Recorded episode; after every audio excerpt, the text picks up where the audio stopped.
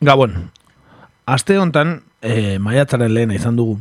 Urtero bezala munduko langileak kalera atera dira, beraien eskakizunak zabaldu eta eskubideak exigitzera. Bai Euskal Herrian eta baita mundu osoan ere mobilizazio jendetsuak izan ditugu. Bestalde, munduko herrialde batek bereganatu du harreta osoa eta ez bertako langileriaren mobilizazioengatik. Klase burgesaren eta dirudunen estatu kolpe saiakeraren gatik, baizik. Bai, berriro ere, Venezuelan. Espainiako gorteak eratzeko hauteskundeak pasa eta bi egunetara, bere burua progresistatzat konsideratzen duen pesoeren gobernuak, babesa eman dio golpista hauetako bati. Leopoldo Lópezek Espainiak karakasen duen enbaixadan hartu baitu babesa. Trifatxitoa garaitua izan omen den hauteskunde hauetatik egun gutxira. Argi geratu da Espainiar gorteetan, ezkerti gutxi egongo dela datorren urteetan ere. Estatu batuen menera dagoen Europa zaharraren estatu gehienetan bezelaxe. Oposizioaren deialdia eta protesta dela diote batzuk. Venezuelan ez dagoela demokraziarik entzuten dugun bitartean. Beraien bultzatzaile nagusiak kaleko protestetan parte hartu dute baita Europako estatuen babesa lortu ere. Erreferendum bat antolatzegatik kartzelan dauden politikari katalanak golpista komen dira. Militarri altxatzeko dei egiten dieten Venezuelako oligarken lagunak berriz, oposizio demokratikoa. Horrela dugu Europa garai ilun hauetan. Maiatzaren lehena pasada eta badirudi benetako herri mugimendua txaleko horiz jazten dela. Bai Frantziako estatuan behintzat. Hemen hasten da, gaur, egur. Guten Tag, meine Damen und Herren.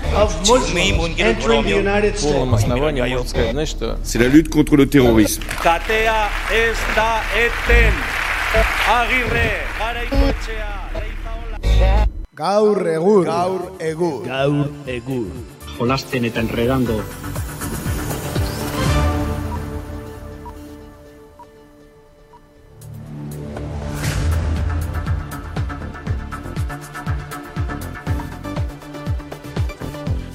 Bueno, bueno, arratsaldon, hemen txe, eh, horri, hemen gaude, kakaintu nago estudioetan, zuzen, zuzenean. Txalde guztioi. Gaur eh, maiatzaren seia da. Bai, kaixo. eta emeretziko maiatzaren seia. Kaixo Eta- gabon denoi. Editorialak nahiko argi utzi dugu ze gai aipatuko ditugun eh, gaurkoan, ez da? Bai, berriro ere ez, aktualidadeak agintzen du, eta gaurkoan, ba, bueno, ez gara oso originalak izan, ez, egitarauan, baina horrela tokatu da ere, ez da? Bai, hori da, alde batetik langile borroka eta maiatzaren bata, hori errepaso egingo dugu eta nazioartean, ba, nola ez, ba, Venezuela. Eh, benetan, eh, katazka gorrian dagoen herrialdea, beste batzuk ere ala daude baino ez digute horrelako bombardeak eta mediatikorik egiten, ezta? Eta, bueno, ba, pixka eta repasatu beharko diogu, bueno, asko- askotan itzein dugu Venezuela ja, aurten nik uste bigarrena edo hirugarrena izango dela gaurkoa. Hala ze esko. Baina, bueno, aktualidadeak agintzen du eta behintzat eh, masmedien gezur batzuk eh, argitaratzeko ez eta egi batzuk eh, esateko ere ba, aprobetxatu nahiko genuke irratsaio hau. Besterik gabe, ba, horixe, hemen txazten da gaur egur eta hemen bertakoari helduko diogu lehenengo.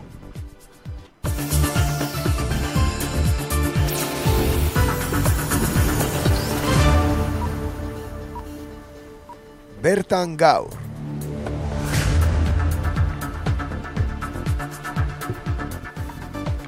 Bueno, urtero legez argazki desberdinak utzi dizkigu maiatzaren eh, lehenak, Espainian eh, gobernukoek eta sindikatuak elkarrekin ikusi ditugu Madrilen adibidez. Parisen aldiz guztiz argazki desberdina. Bai CGT eta bai jaka horiek eta bloke beltzak protesta ekintza gogorrekin oroitu dute munduko langileen eguna. That. Maybe you ain't no game, recognize game.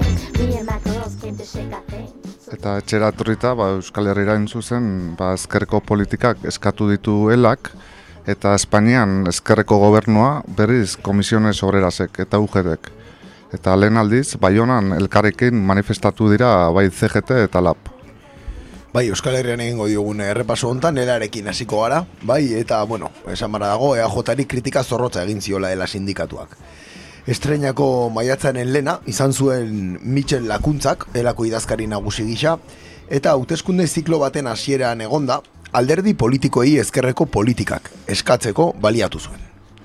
Klase politiko guztiari eskatzen diogu balio jakin batzuen aldeko konpromisoa. Berdintasun, solidaritate eta askatasunan aldeko konpromisoa. Ezkerreko politikara itzuli behar da. Jendearen arazoak aintzat hartu. Ezkerra behar dugu. Kalean, lantokietan eta instituzioetan esan zuen Michel Lakuntzak eta badugu e, egun hortako audio bat e, Bilbon egin zuten elkarteratzeko audio bat ere badugu hemen, beraz entzun dezago, ditzagunelako kideak. Hora maiatzaren lehena!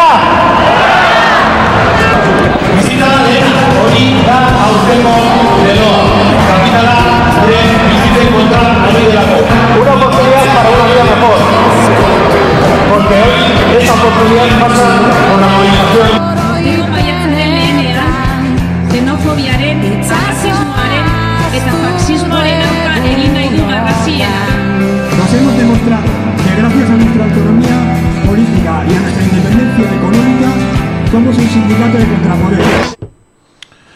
Musika tope ez edukaten elako kideek Bertako ba, egin zuten ekitaldiko bideo batetik hartu dugu audioa Eta ba, musika tope ez edukaten, eh? E, ondo pasazuten seinale Duari, bai. Bueno, ez dakit, eh, gero aipatuko egun dana Edo nahi dezuen episkate Igual elari buruz eh, hitzen dezakegu, ez? Nola erradikalizatu den azken urteetan Eta nola zentratzen duen bere mezua baina EAJaren gobernuaren aurka, ez? Baina baita ezker abertzale edo EH Bildu eta laben aurka ere, ez? Bai, eta baina errelebo aldaketa bat onda ez, e, labarnean, e, dakizuen bezala, ba, txiki muñozek e, Mikel Bitxel lakuntzari utzi dio lekukoa. Eta ematen duenez ez, ba, lerro beretik, o bide be- beretik jo bar duela Mitxel lakuntzak ez. Bai, Bere- bai. Hala ematen du hasiera mentza txiki Muñoz oso beligerante izan zen e, urkulluren gobernuaren aurka, ezta? Eta badirudi, ba, Michel Lakuntza ere hola hasi dela, eh? Gogoratu behar dugu greba ba, desberdinak eh, daudela martxan eh? Euskal Herrian ez, dela eh, bultzatutakoa batzuk behintzat, bai, eh, adibidez Gipuzkoan eh, ba, geriatriko edo Bai, zarren zaharretan. egoitzan, ez? Zarren egoitzetakoa, adibidez, Bai, hor diputazioarekin badauka gatazka bat, eta bai, urrengo egunetan azalaretuko da, ez? Bai, Neko, egia esan, neko esan dagoa, ez? Neko diskurtso erradikala, ez? Izan du EAJaren gobernuaren kontra. Eta bere garaian ere, esan barago, ez? Radikalizazio hori ere egon zela, ez? E, ba, bildu, ez? E, Gipuzkoako diputazioan egon zenean, ez? Horre talka nahiko importanteak egon ziren, ez? Bai labekin eta bai bildurekin ere, ez? Bai, bai, eta, bueno, gero, egia elako buruzaitzak audiola, gero afiliatuek zer dioten ikusi behar, zaten zenbakik ez dute ematen, gero. ez, esan, eta afiliatu batzuk EAJari hori bozkatzen diotela argi eta garbi, ez dela ez, dizkit kalkuluak ematen. ja, baita elako eh, partaide historikoak izan dira adibidez Andoni Hortuzar, bera. Beraz, eh, argi, ez, ikusteko ze, ze radikalizazio bide eraman duen elak azkeneko urtetan, ez? Bai, bai, egia esan, bai, bai, gaurko dela ez da orain dela hogei urtekoa, ez orain dela amabost urtekoa ere, ez, ez? Egia da, Ez dirudi behintzat. eh, bueno. Bai, horren da evoluzio garbi bat ez, e, txiki muñozen zuzendaritza iritsi izanean, eta ematen duenez baita ez, pixate egoera ekonomikoak berak e, ela horretara bultzatu duela ez, eta bueno, nik uste dut e, elaren gaurko diskurtsoa oso koherentea dela e, daukagun egoera ekonomikoarekin ez, eta adibidez bai zarretzen kasuan, e, bizkaiko e, zarretzen kasuan baita ere, e, gero ospitaletako garbiketen kasuan eta bar, ba, uste gaina lortu dituen ez, e, irabazi dituen greba guzti horiek edo irabazi dituen gatazka horiek e, auspoa eman diotela helari, eh? Bai, bai, eta gaina irabazi ditu greba gogorrak, e, greba gogorrak eginda, eh? eta negoziazio gogorrekin. Bai, grebaren apustua askotan egin dute, ez? Elaren aldetik egon da apostu nahiko nagarmena, ez? Greba, greba mobilizazio mota horren alde, ez? Eta Noski, etengabearen eh, alde. Da sindikato eredu bat, ba, erresistentzia kaja daukana, ez? Eta horrek ere baliatzen du, ba, greba luzaroagoan eh, mantentzea grebak eta greba gehiago egitea, ez? Edo, hortara jokatzen dute beraiek. Zalantzari gabe, eta gero nik uste beste lorpen bat izan dela, eta horrek txiki Muñoz edo bere ejekutibaren lorpen bat izan dela, eta sindikatuak zentralidade politiko bat irabazi duela. Hau da, ela, azken funtsan, eh, azken urte hauetan, mm, politika mailan beste aktore bat bihurtu dela, ez? Eta oso kontutan hartzen dela, bai telebistan, bai debatetan, eta eta bere hitza nahiko zabaldua izaten dela, ez? Representatibitate bat daukala esan nahi dut. Eta ez dagoela alderdi politiko bat lotuta, ez, ez dirudi behintzat, ez? Ez, eta bueno, e, adibidez, aste honetan bertan Michel Lakuntza berak elkarrizketa batean esaten zuen, ez? E, orain bertan, bueno, bere, bere hitzak dira, ela dela EAJaren oposizio bakar Euskal Herrian, ez? Bai, ez da, txiki muñozek ere esan zituen horrelakoak, eh? ez da lehenengo aldia esaten dutena, eh? Beraiek egiten dutela benetako oposizioa ezkerretik, elak egiten duela esaten dute. Eta baita neba- e, nebardura bat, ba, adibidez esaten zuen, e, nola e, zoriondu ez duen bakarra inigo urkulu lehendakari izan dela. Eh? Bai, hori ere esan zuen. Bai, eh? Eta, Bai, adibidez, e, Usue Barkosek bai zuri onduzula, eh? esan zuen. Beno, eh, zer zer gehiago, elari buruz, guain labe eta hitz egin behar dugu, así que... Oso urrutira joango ere ez. Oso urrutira joango hori da.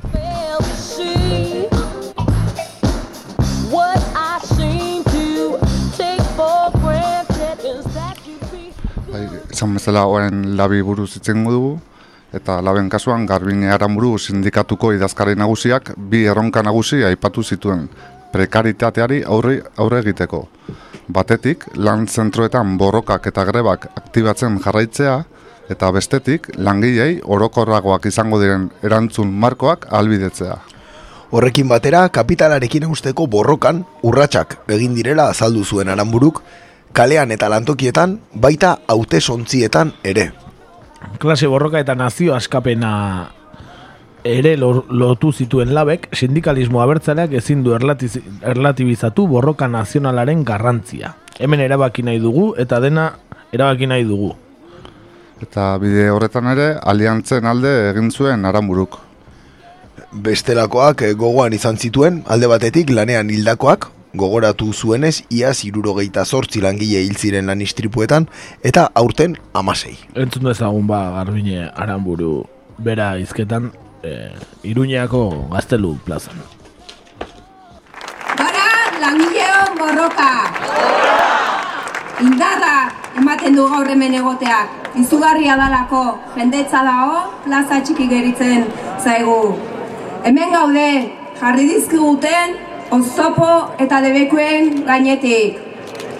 Maiatzaren lehena, langileon arrotasun eguna delako. Maiatzaren lehena, langile kontzientzia indartzeko eguna delako. Maiatzaren lehena, langileak batu, gure borrokak uztartu, eta borroka horiek kalera ateratzeko eguna delako. Ez gaituzte isilduko.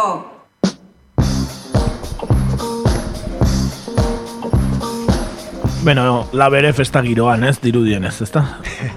bai, bai, badirudi baiet. Bai, e, ez auka ematen duenez, e, Nietzsche lakuntzak eman duen mezu borrokalari edo belizista hori, ala? Bueno, medioetan, eh? Igandean bertan ez dakit oso belizista izan zenela ere, eh? Nik ikusietenagatik nahiko ospakizun izan zen baita ere, eh? Baineko festiua bihurtu, ez? Maiatzaren lehenako asunto hau ez nahiko eh, kilometroak erantzeko bat, ez? Hola, ez? Pixkat. Ez dakit esango luketen, eh, manifestazio horietara joan direnei pintxo eta traba bateatzen diten zerbitzariek, egun hortan. Adibidez, ez, adibidez, ez, horrela izaten da, ez?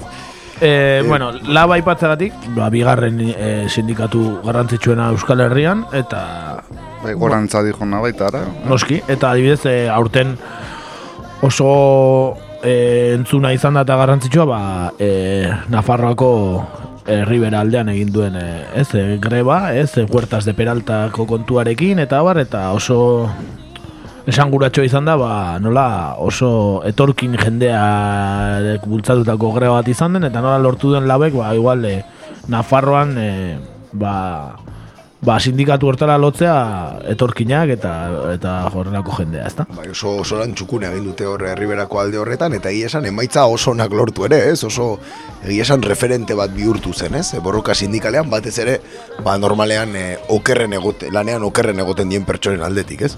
Bai, bai, hori da. Lorpen bat izan zen. oso hori da esanguratsua ez, nola etorkinak diren, gai, asko emakumeak, eta baita ba, sektorea ere ez, lehen sektorea dela, eta bueno, guzti horrek ere bauka bere garrantzia, ez, ez da greba normal bat ez, da industriala, ez da Bai. bizkaiako, ez, industri ere muan ere egindakoa, ez, Bai, oso simbolikoa izan zen, eh? bai, eta e, peraltako kasu hortan, ez, e, agerian ikusi izan ze baldintzetan zeren, ez, e, langile horiek, gehien amaroko harrakustek zirela, eta bai, ba, beste askotan ikusten ez ditugun ere muietara iritsi zen Mhm. kasu honetan. Dena den, uste dute ez hor lehen komentatzen genuenaren arira, ez? Nola, e, ba, bueno, ez? Hor ela eta alderdi bat, alderdi zehatz baten arteko loturarik ez dagoen moduan, ez? Kasu honetan, e, kapitalarekin hausteko borrokan haute sontzietan ere e, lortu dela, ez? Adierazten da, ez? Hau da, e, e, hauteskundei edo ez beste maila bateko politikari ere garrantzi bat ematen zaio laben aldetik, ez? Beste diskurtsoan entzunez duguna. Argi dago labe, bueno, ezkerra bertzaleatik sortu zen eta eta ezkerra bertzaleko parte garrantzitsu bat da, ez? Eta Dura, eh. egon diren idazkari nagusiak ere, bueno, ibili dira alderditik sindikatura eta sindikatutik alderdira, ez? Beraz, e, bueno, argi dago beste erabateko sindikatua dela, elarekin e, alderatuta, ez? E, beti ezkertiarra gotzate hartu dena, baina hilaren erradikalizaziotik, ba, ja ezakigu zer pentsatu, zer dagoen zeinen ezkerrerago, ezta? Bai, bai, egia esan, ez, nekez pentsa daiteke kapitalarekin hausteko, ez, borroka elektoralik egondanik, ez, azken hauteskundetan, niri behintzat ez zait hori iruditu, ez, diskurso antikapitalistarik ez da kasirik entzun hemen, ez, eta badirudi orain datozen hauteskundetarako ere, olako diskurtsorik ez dagoela euskal panorama politikoan, ez? Ez, ez dirudi. Hala ere, e, gauza hauetaz hitz egiten dugun, bakoitzean ateratzen den bezala, ez bakarrik irratsaio hontan toki guztietan, ba, askok ez dutela ulertzen zergatik daukatena horrelako ezin ikusia edo gatazka elak eta labek, ezta? Esan, izan ere, ez dituzte beste gauzak banatzen, eh? E, beraien artean, ez? Ez ideologikoki, ez eskakizunetan, ez azkenen eska, e, e, euskal sindikatua direla, ez? Eta, bueno, asko ez dute ulertzen horrelako ezin ikusia edo ez elkarlan bat e, sakonagoa egitea, ez? Beraien artean.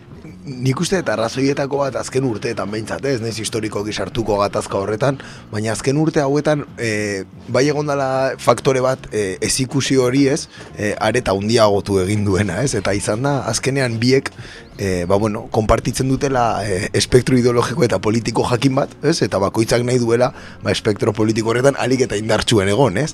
Beste modu baten esan da, alderdi bateko bozkatzaien, e, ez? Ba, ba, banaketa egiten dutela, ez? Beraien artean, eta horrek ere interesatzen duela, ez? Bai, Konfrontazio hori, ez? Ba, elikatzen duela, esan. Bai, nahi. baina azkenek urtetan biek egin dute gora afiliatuetan. Hori eh? da, hori da, eta ez bakarrik hori da, kalaero e, jakin batean, ez? Bai, bai, hori da, beraz, bueno, biak ari dira beraien lanean txukun dirudionez, baina gero ez dute Ola, elkarlan sakon baterako behintzat ez, ez dira ez dira lotzen, eh? Bai, igual agian lap pixkat e, fuerteago daun Naparroan, ela baino, ez? Eta nik uste e, erkidegoan pixkat elak egon dikan indarra handigoa daukela. Bai, batez ere bizkaian esango Bai. ez? Ja, bai. E, baina bai, ez, ez dakizkigu datuak orain, baina bueno, ela bastante gatik, e, bastante gatik da lehen e, in, e, sindikatu afiliatuetan ela, eh? Orain ere. Unek, Eh, uneko berrogoitik gora, eh? uneko, ba, uneko berrogoi, bai, horren gurun. Bai, adibidez, ela ere agian sindikatu transversalagoa da, ez? Zeren, eh, bai, eh, zaintzara dedikatzen dian emakumeetatik, ba, ertzaintzara inoko eh, bidea egiten duen sindikatua da, beraz, hortan ere, Espetxe funtzionariak ere baditu sindikatu barnean, bai, bai. beraz, eh, hor ere badago aldea, eh? Gauza batzuetan. E, aurrera ingo dugu, ba, badaudelako sindikatu gehiago Euskal Herrian. You find a dime piece and leave the spot. Keys in your door, you heard a click and you wanna get shot. Damn, he took your glitter and stared you home. All because you wanna flex with no door. You all about the. Uh-huh. Uh-huh. You all about the. Bai, eta orain iparraldera joko dugu, eta ipar Euskal Herrian berezia izan da maiatzaren lena, han indarra duen sindikatu abertzaleak, labek, lortu baitu hainbat urtez jasandako bazterketa gainditzea. Lehen aldiz, e, CGT erekin joan da eskuz esku, hainbat gizarte mugimendurekin batera. Bai, esan bezala, CGT lab eta gizarte taldeak batera, ez? Manifestatu ziren, e, jezazpikoen gaiurraren eta kapitalismoaren kontrako oiu artean. Igiezin agentzietako leioetan eta kutsa automatikoetan margoketak ere egin zituzten. Elkarrekin esplotazioaren kontra, aitzinamendu sozialaren eta ekologikoaren alde, lelopean lehen aldiz elkarrekin egin zuten manifestazioan labek eta CGTek. Deialdira batu ziren bizi taldea, gazte mugimendua, etorkinen kolektiboa eta talde feministak batzen dituen egiazko berdintasunaren alde plataforma. eta eunka jende elkartu ziren, maiatzaren lehenean bai honan, aspaldi ikusi gabeko irudia eskainita. Zemia bosteun bat lagun izan ziren, antolatzaien arabera. Beno, horiek guztiak, ba, badauka baita ere, ba, ere, ez ba oinarrian, ba, estatu frantsesean dagoen e, giro gatazkatsua eta eta protestarako, ez, e, asteroko protestara egin dagoen orantxe bertan Frantzia osoa, eta iparraldean ere bai, ez da? Eta langilearen egunean, maiatzen lehenan, e, ikusi da hori, ez? Zalantzaire gabe, ez, jaka horien mugimenduak, ez, ba, nahiko zer ikusi eukidu horrekin, eta baita ere, ez, ba, abuztuan biarritzen egongo den jezazpiko gaiur horrek, ez? Baita ere, noski. Ez, behartu dituenak, ez, ba, Horrek ere egin du behaien artean lehenagotik elkarlanean aritzea bai sindikatu eta mugimendu hauek eta horrek ere ekarri du lehen maiatzaren lehenean e, lehen aldiz bateratuta agertza ez. Hori da, kontutan euki behar dugu, e, CGT edo beste sindikatu batzuk ez, e, Estatu Frantziako mailan ez, mugitzen direnak, inoiz nahi, e, ez, inoiz nahi ezin, ez dutela inoiz nahi izan e, labekin elkartzea, bere kutsu ideologikoagatik eta eta bere garaian Euskal Gatazkan eukitako paperagatik. Osa oso gatazka korapilatxu izan da iparralde, bai, labe eta beste sindikatuen artean, Eta badiru orain itxuraz behintzat, ez maiatzaren lehenean, ba, bueno, lortu zutera zerbait batera itea. Elak eh, ez dauka horrelako presentziarik iparraldean, badauka, eh, berez, ez? Bueno, elagaren fundazio bat bago, Robles Arangiz fundazioa eta horre eh, aiparraldean eta ba, badauka presentzia adibidez laborantza ganbararako eta badauka horre tartea, ez? Baina, bueno, bestela sindikatu modura lab aiparraldean eh, gehiago existitzen da, ela baino, ezta? Guazen ondo, ondorengoekin. Hey, what you say? Gainera ez TGT eh, Euskal Herrian presentzia duen bezala iparaldean, ba, egoaldean ere komisiones obreras eta UGTek ere ba, badute presentzia, ezta? Bai, bai, komi, eta ez gutxi, komisiones obreras eta eta UGT e, Iruñan, bai, bi mezu nagusirekin izan ziren, alde batetik Espainian sortukoen gobernu berria ezkerrekoa izan dadila, zaila dago, eta langileen eskubideak agenda politikoan egon daitezela eskatu zuten. Bestetik Nafarroko gobernuari kritika egin zioten elkarrizketa soziala eta enplegu plana zor digu Nafarroko gobernuak esan zuten. Bueno, zer esan komisiones eta UGTeri buruz, ez? Egia esan, e, sindikaturen batzuk egon baldin badira botereari lotuak, komisiones eta UGT izan dira historikoki, ez? Bai, sineste zina da, ez, ze puntura iristen dan deskaroa gainera, ez, botere opzio jakin batzuk, ez, ba, honesteko orduan, ez? Bai, bai, gero, bueno, askotan eh, esatute gehiago duela izquierda unidati gertugo, baina, bueno, ikusi egu PSOE-erekin, eh, nola beti egon diren PSOE-erekin lerratuta, ezta? Bai, hor, pizkat, komisiones obrera zekin gertatzen zen, nik uste, e, igual, orain gutxiago, eh? baina garai batean CGT-ekin Frantzian gertatzen zen fenomeno antzekoa, ez? Adibidez, esaten zen alderdi komunistaren sindikatua zela, eta bosketan e, ba, alderdi komunistak edo ezker batuak e, euneko amabos edo hogei ateratzen zuenean, ba, sindikatuen bosketan adibidez, ba, komisionez zen gehiengoa, ez? Eta, ez, pixate bitxia, Mhm. bitxia da, baina... Bitxia baita ere, estatu mailan e, e, bi koordinadoreak edo bi buruzagi nagusiak, bata katalana eta beste euskalduna dela, eh? Hori ere kuriosoa, Bai, eh? oso kuriosoa da, bai, berdina pentsatu nuen aurreko irudiak ikustean, ez? Pentsa gu nahi sordo, ez, hemengo, ez, ba, komisiones obreraseko, ez, idazkari nagusia izan dakoa. Bai, eta orain Espainiakoa dena, eta bestea nola Alvarez, ez da Alvarez, hori ere katalana, eta e, erabakitzeko eskubiaren alde agertu dena, eh? Bai, gainera, gainera, bai, bai, bai, jo. Benetan kuriosoa da UGT eta komisionesek eh, agian eh, merezi dute irratsaio berezi bat aparte dauzkaten kontraesanekin bakarrik. Bai, luze horietako bat, ez da, eh? Orduta luze iraute duten Bai, horietako bat. hiru ordu igual da,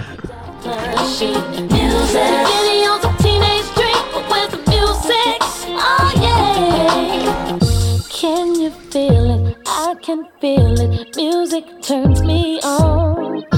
When life lays a heavy shade on, music brings me on. Ba, ere sindikatu gehiago ere, Euskal Herrian, agian eh, ez direnak hain eh, majoritarioak, baina bere presentzia ere badutenak. Bai, bai ez, e, adibidez, e, Steilas, SK, e, CGT bera eta CNT, ba, hauek e, Bilbon e, elkartu ziren, eta prekaritatearen aurkako aldarrekipena, aldarrekipena egin zuten sindikatu hauek, eta prekaritatea amaitzeko ordua dela eskatu zuten. Lana ez duten eta lana duten pertsonen prekaritatea bukatu behar da. Lan eta gizarte prekaritatea. Bizitza erdigunean jartzeko garaia heldu da, esan zuten. Sistema heteropatriarkalaren aurka ere egin zuten. Emakumeek lan ere muen baldintzak askarragoak dituztelako. Eta emakumeen garaia da, eta azken bi greba feministak hasiera baino ez dira, behar dugun eraldaketa sakona feminista izanen da, edo ez da izango. Hori izan zuten. CNT sindikatuak bakarrik egin zuen manifestazioa Bilbon eta bertan duela berreun urteko aldarrikapenak egin zituzten Luis Fuentes sindikatuko ipar eskualdeko idazkari nagusiaren arabera. Entzun dezagun, zeneteko. Pasaren urtean, iroita zazpi langile lanpostetan hil ziren. Berreun iroita mazazpi, istripu larri eman ziren betere. Lau mila sortzireun, laneko gaixot, gaixotasunak eman ziren. Eta oso larria dena, lan gaixotasunagatik hildako langile kopuen estimazioa Euskal Herrian soilik pasaren urtean 2000 periuden pertsonatakoa izan zen. Agian, datu horiek ez dituzu ezagutuko. Baina arrazoia agerikoa da.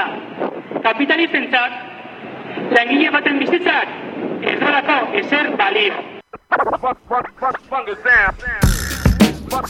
Bueno, entzun ditugun eh, audioetan eh, dudari gabe eh, holdarkorrena eta eta ez be- beste garai bateko diskursoarekin ez hain zain hain pozik eta hain alai bazenetekoak adibidez ez Bai, bai, esan dakoa, bai, nahiko diskurso oldarkorra eta rebindikatiboa, eta, bueno, ez, eh, serio, ez, eh, Ba, eta batean izan, izan dena, ez, historikoki nik uste, ez, garaiak ez daude hain positibo ere egoteko ez ez diruditzen nahi. Egia esan, e, ez zan oso ondo entzuten, eh? zenetekoak ba, lan asko ingo dute, baino audioa ez, grabatzen ez zuten lan handirik hartu egia esan.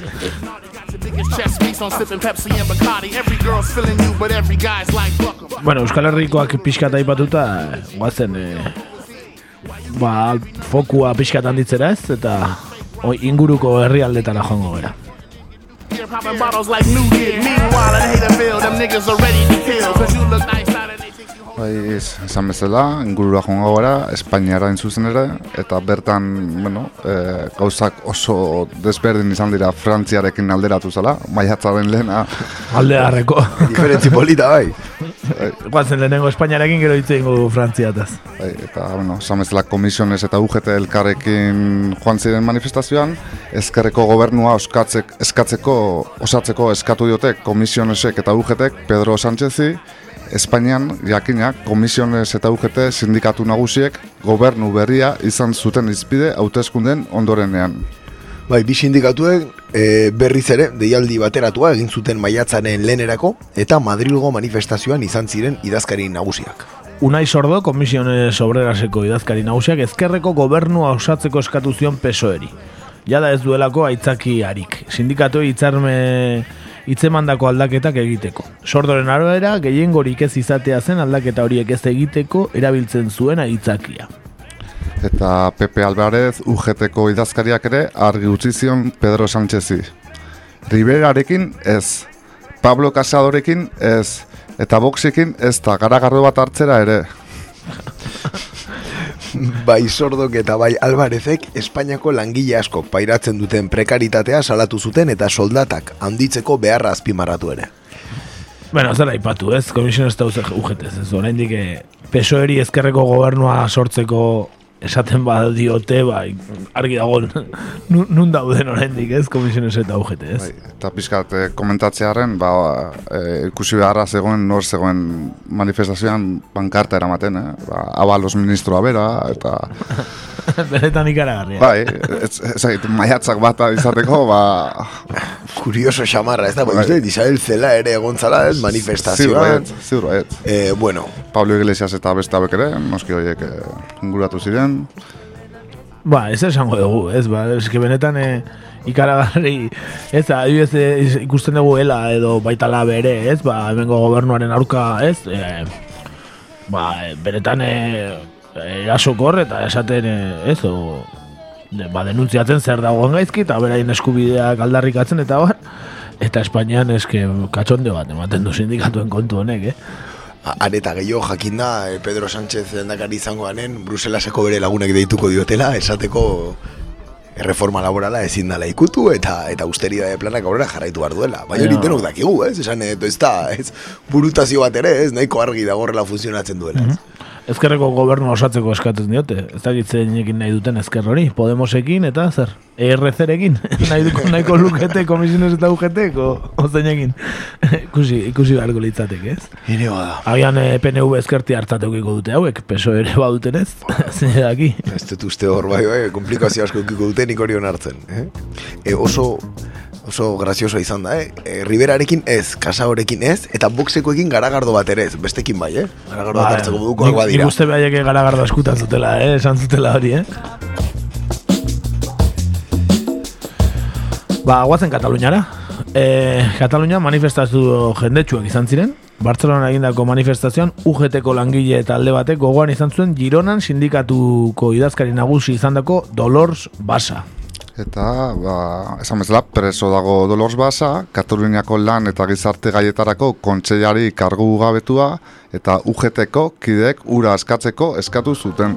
Alde harra, eh, Kataluniako UGT-tik eh, Madrilekora, ezta? Eh? Desde luego. UGT Dolors Basaren askatasuna aldarrikatzen eta eta UGT Madriden eh, abalos ministrarekin manifestazioan, ez benetan eh, kontraesanetan errege. Bai, Ezkerreko, ez, gobernu eskatu segunda berrogeita magosta, ez, e, apoiatu zutenei. Bai, bai. Ez que bitxi, bitxia da, eh? hemen eh, esan duen bezala ez, nola Dolors Barça bea UGT-ko kidea zen, ze Kataluniaren kasuan bitxia da, ez, Adik, sindikatu nagusiak eh, bai UGT eta komisiones izaten jarraitzen dute, eta ezakit, eh, Euskal Herriarekin alderatzeko bintzet nahiko desberdina da, hango sindikatuen soziologia, o, Bai, bai, oso ezberdina. sikiera beraien diskurtsoa eta daukaten adesioa ere oso diferentea da, ez, ez, ez dago hain nola esan polarizatua, ez, hemen dagoen moduan, ez, nik uste Katalunian beste, beste kultura sindikal bat egon dela, ez, aspaldianik eta hori nabaritzen dela gaur egun ere, ez. Baina, Bai, bai. baina gero hori ez dagoena da, ez da ikusten da sindikatu abertzale haundirik, ez? E, Kataluniaren kasuan, ez? Eta gero eh, hainbat eh, abertzale katalan, ba, UGT-ko edo komisionexeko kide dira, ez? Eta zait, bitxia iruditzen zait, eh? alde horretatik. Mhm. Eta Bai, bai. adibidez, eh, orain dela gutxi arte UGT-ko kidea izan da Albert Rivera. Eta, bai, eta Albert Riverak utzi zion hain zuzen ere UGT-ko kide izateari Pepe Alvarez iritsi zenean kargura, eta zait. Ez, eh, imaginatu, Albert Riveratik eh, Dolors Basara, pues, Bai, nola sindikatu berdinean egotea, eh, Bai, benetan arraro, eh? horre nik uste zeo zer gertatuko dela, eh? Katalunian, zatik, no, Zait, oso ondo kudeatzen dituzte desberdintasun horiek, edo, edo zer sortu harko da, edo ez dakit. Hor talkea esente ziren, ez, e, e, urriaren bateko galdeketan ondoren, ez, konbokatutako e, hainbat e, grebatan, eta ez greba orokorretan, hor talka esente zen, ez? Ba, sindikatu independentista minoritario hoien arten, eta UGT eta komisionesen arten, ez? Baina hori, denborara iritsi dira, ez, talka horiek, ez, atzoko gauza diela, esan nahi dut. Mhm. Bueno, ikusiko dugu Katalunian ere ez gertatzen den, baita langile borrokan ere.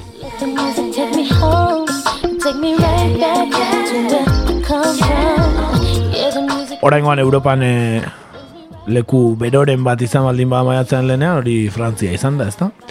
Bai, nahiko bero egin zuen maiatzaren batean Parisen, bai, e, poliziak irure hundi gora laguna atxilotu zituen, e, esan beharra dago, eunda berrogeita marra atxiloketa preventibo izan zirela manifestazioak hasi aurretik. Poliziaren arabera liskarrak ekiditeko, naiz eta ondoren liskarra hundiak izan ziren maiatzaren lehen hortan. Baukagu audiotxo bat, e, bueno, ez da entzuten gauza gehiagiri, baina, bueno, istiluak daudela nabari da, beraz entzun dezagun.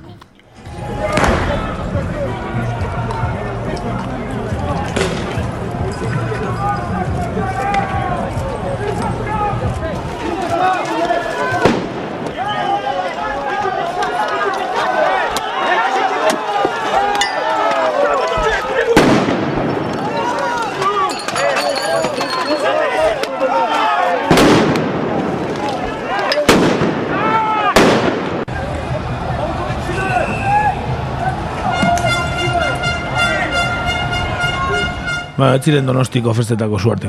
eh? Ez, ez da txapelketa bat ere. ez, ez, ez da ere. Bueno, esan, e, bueno, ba, adibidez, Black Blockeko kiden eta polizien arteko liskarrak handiak izan zirela, ez? Eta esan bezala, bloke, black, bloke edo bloke beltzeko kideak kapitalismoaren eta globalizazioaren kontrako mobilizazioetera poliziari aurre egiteko prestatua joan ohi dira. Eta besteak beste, beltzez jantzita, buruak eta, bez, e, buruak eta beste babestuta eta aurpegia estalita, identifikazioa zailtzeko asmoz. Baita, euren burua poliziaren negar gazetatik eta kolpetatik babesteko eta baita irudi bateratua emateko ere. Bai, oso famatuak izan dira adibidez e, Alemanian egon direnak, ez maiatzaren batean urte askotan e, egon diren gatazkak, ez e, ur, ur, ura botatzen duten e, polizia tankeen aurka, ez? Kriston arresia jarrita eta danak beltzez jantzita Black Block hauek. Bai, Hamburgon adibidez. eh? Adibidez, Hamburgon. Ez, Eta horrei esan, ez, oso, oso, antolakun, oso, oso antolakuntza efizientea ukitzen dute horrelako egoera, ez, eh, ekstremoetan. Ba, ba, juten dira danak beltzez, e, beso baestuta, rodillerakin, e, dan- danetik. Areta gehiago, Parisen, bueno, neko emblematikoa da e, Fuket restaurantea, bai, e, aberatsak, adibidez Nikolas Sarkozik bere lehenengo hauteskundek irabazi zituren bertan ospatu zuen garaipena, eta maiatzaren lehenean, ba, erre egin zuten. E, e, restaurante guztia erre egin zuten, bai, nahiko emblematikoa izan zan, ze Parisen oso ospetsua da, e, hori, jende oso aberatsa eta oligarkiako jendea, ez, ba, eukitzagatik. Eta, Oso, bueno, ba, oso simbolikoa, ez? bai, hori da. Hala ere CGT ere egin zituen e, manifestazioa Frantzia osoan, ez da? Bai, bai, Filip Martinez, CGT sindikatuko idazkari nagusia, poliziak erabilitako gasen eraginez, atenditu behar izan zuten ta guzti. Begira. Gero CGTko idazkariak poliziaren bereizketari gabeko eta aurrekari gabeko jarrera gaitzetsi zuen eta larria iritzi zion poliziak CGTren kontra, garbi identifikatutako CGTaren kontra kargatzeari.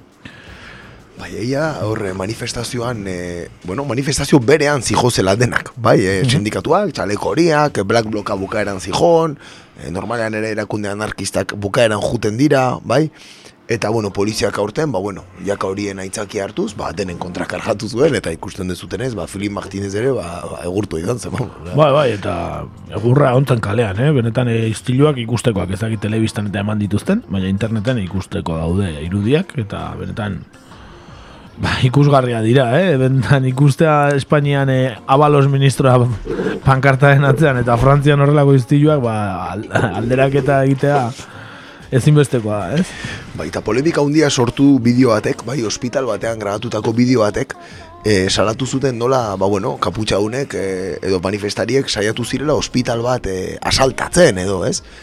Eta, bueno, bomba handia eman zitzaion mas mediatan gai horri, eta sare sozialetan azken egunetan, ba, hainbat bideo atera dira, ez? Beste pertsona batzuk, beste perspektiba batetik ateratakoak, duen ikustetan jendea poliziaren karga batetik ies egiten zuela, eta ospitaleko langilek atea ez irikitzan, gero egurtu egiten zituztela bertan, e, ba, bueno, sartzen saiatu zienei, ez? Oso polemika handia egon da Macronek eta guzti honen buruz hitz egin zuen aurrekoan. Bai. Bai, badu garaia honi buruz zeo zer egiteko, bai, ja, hogeita, zemat, hogeita bost, hogeita sei aste buru, dijo, ze, txaleko horiak mobilizatzen. Bai, eta hilda, hildako mordare bai, eh? Bai, bai, bai, bai, hildakoak ere goraka doaz, bai, Eta zaurituak, eta amputatuak, eta bar, eta bar. bai, bai. Dagoeneko bi dozenatik gertu egongo da hildako kopurua txaleko horien kontua hasi zanetik. Ez da zifra makala, eh? Eta ez, ez da Venezuela? Ez, ez, ez da Venezuela, ez. Venezuelan baliz ja, ja hasiko zian misila botatzen, estatu batu harrak. Bueno, munduko errepaso laburtxo bat egingo dugu, bueno, mundukoa edo, bueno, herrialde jakin batzuena.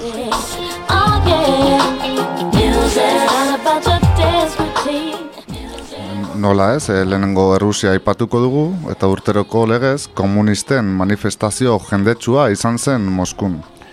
Bai, Algerian ere manifestazioak izan ziren, dakizuen ez Algerian nahiko konbultsoa dago ez, egoera politikoa. Jendetzak sistema egiaz, berritzeko beharra aldarrikatu du maiatzaren lenean. Kuba izaten da beste referente bat e, maiatzaren ez, Kubako irla, eta bertan ba, Miguel Díaz Canel presidentearen eta Raúl Castro Kubako alderdi komunistaren buruaren gidaritzapean egin zuten abanako ohiko maiatzaren leheneko desfilea. Zenetan lehen aldiz parte hartu baitzuen e, LGTB taldeen ordezkaritza batek ere. Mhm, Eta esan desfilearen lehen lerroan ziren, gainera Brasildik Kubara itzuli behar izan zuten osasun arloko langileak ere. eh? Benetan e, jende piloa abanan, ez da, e, Jose Martí plazan, Eta baukagu audiotxo bat e, kubakoa ere. Todos los años tenemos un motivo. Este es muy importante. Estamos apoyando eh, a nuestra revolución, apoyando a Díaz Canel, recordando siempre a nuestro comandante en jefe, apoyando a Venezuela, un pueblo que queremos que siga firme, firme, firme ahí. Hortxe biba Kuba Libre eta Venezuela ere aipatzen, ezta? E, bueno, benetan e, Kubakoak berezia dira hartan ere. Hortxe, maiatzan bateko diskurtso bat. Bai. E, bueno, Brasilen ere, bai, e, herrialdeko amar sindikatu nagusiek, deialdi bateratua egin zuten, maiatzaren lehenean, eta Bolsonaroren pentsio erreforma salatu zuten. Datorren ekainaren amalaurako, iragarria duten greba orokorrerako prestakuntza moduan erabili dute maiatzaren lehen hau. Bai, baukate lana e, langile borrokan Brasilen orain, eh? Bolsonaro iritsi danetik. Lehen izango zuten, baina orain are gehiago. Nahiko lan, e, lehen, por cierto, ez dugu komentatu, baina ez, e, kubera bueltatutako osasun arloko langile horiek espulsatuak izan Bai, dira Bolsonaro Brasildik. bialita, bai. hoixe bera, ez? Bai, hori aipatu genuen hemen gaina, Bai, bere eh? garaian Nik uste komentatu baietz. genuen, bai. Bueno, ba, nahiko luze joan zaigu, e, atalau, baina e, errepaso egin beharra zegoen, abestitxo bat ekarri dugu, eten bat egiteko, eta ze abesti ekarriko genuen, ba, zaramaren maiatzaren lehena, zein bestela. Beraz, e, zaramaren maiatzaren lehenarekin, da gero bueltan gatoz.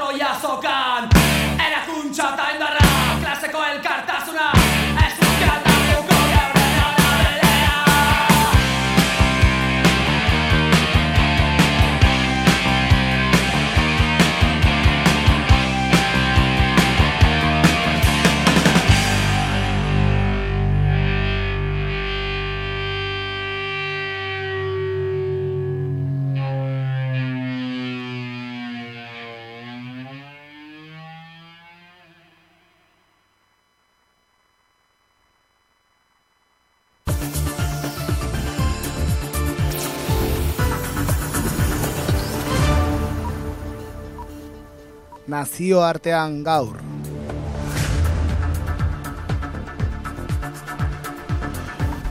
Eta nazioartean zer?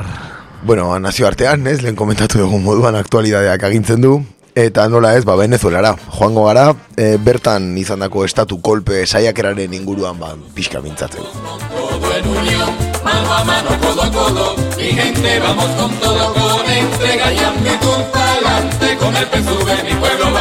todo esta frase que... Venga, vamos con todo. Nazioarteko agendako lehen lerrotik desagertu da azkeneko asteotan Juan Guaidó. Joan den urtarrian eta iruan bere burua Venezuelako presidente izendatu zuena. Baina protagonismoa berriro bereganatzeko alegina egin zuen pasaden aste artean Asamblea Nazionaleko presidenteak. Bai, Leopoldo López, oposizioko lidera, etxeko atxilo alditik atera zuen eta iragarri zuen militarrek arekin bat egiteko pausoa eman, du, eman zutela behingoz. Asko dira militarrak adirazi zuen Juan Guaidok goizeko lehen orduan. Horren bestez duela hiru hilabete pasa, Amerikako estatu batuen eta berrogeita bat bat herrialdeen babesarekin emandako apustua handitu nahi izan zuen. Dirudien ez ez zaio hainondo atera entzun ezagun eh, Guaidó bera. Estamos aquí, pueblo de Venezuela, como se lo habíamos dicho, hemos construido capacidades durante todo el año. Hoy valientes soldados leales a la patria, al pueblo, a la constitución, era la capacidad que nos faltaba. Aquí estamos, ahora todos a la calle. El primero de mayo es hoy. Se adelantó la operación Libertad, una etapa definitiva donde ciudadanos, pueblo, toda Venezuela, Fuerza Armada, estamos para liberar a este país. Fuerza. Fuerza. Bueno, primero de mayo empieza hoy, esaten du baina, eh? Maten du eh, langile eh, dei egiten diela, eh? La operación Libertad en Villa, eh? Bai, bai, bai, Freedom Operation, igual, hobeto esan da. Bai, bai, inglés ez hobeto. Boltonek esango zion, zeo zer.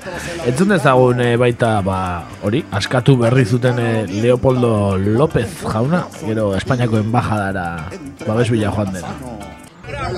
Yo salí de mi casa, eh, primero he recibido un indulto al igual que todos los presos militares y civiles, hemos recibido un indulto del presidente Guaidó y yo fui liberado por este movimiento militar, por este movimiento del pueblo con la Fuerza Armada, fueron a trabajar juntos en esta fase de lo que es el cese de la usurpación. Bueno, presidente Guaidó, que mandako... Indulto bat. Indulto bat, eh? Eh, amairu urteko kondena zuen duen Leopoldo Lópezi, eh, istilu batzuk, eh, bueno, alentatzagatik, eta, bueno, eh, aski hitz egin dugu Leopoldo López eta ez gure, gure Mhm. saio honetan. Bai, bai. Neko ibilbide oparoa izan du, eh? Estatu batuetako unibertsitatetan, oligarkiago semea da, bere familia, Venezuelako familia hiru aberatsenen artean aurkitzen da, bueno, perfil padete. Bere emazteak tur polita egin zuen hemen Espainiar estatutikan, ez da? Benetan eh, esanguratsua izan zena. Baina ez dago susmo zantzurik kontu honen, aurrera. Zer, zer, zer hori bai, ni presidentea autoproklamatuko nahi hemen kalean, eta nik nahi dituzten presoa indul, indulto emango diet.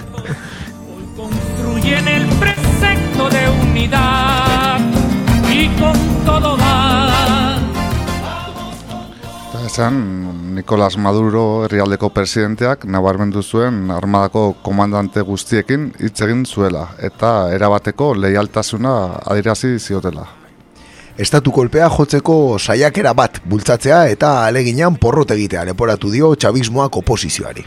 Bai Madurok, bai Guaidok kalera ateratzeko deia egin zieten herritarrei. Eta Venezuelan goizeko seiak zirela egin zuen iragarpena oposizioko buruak.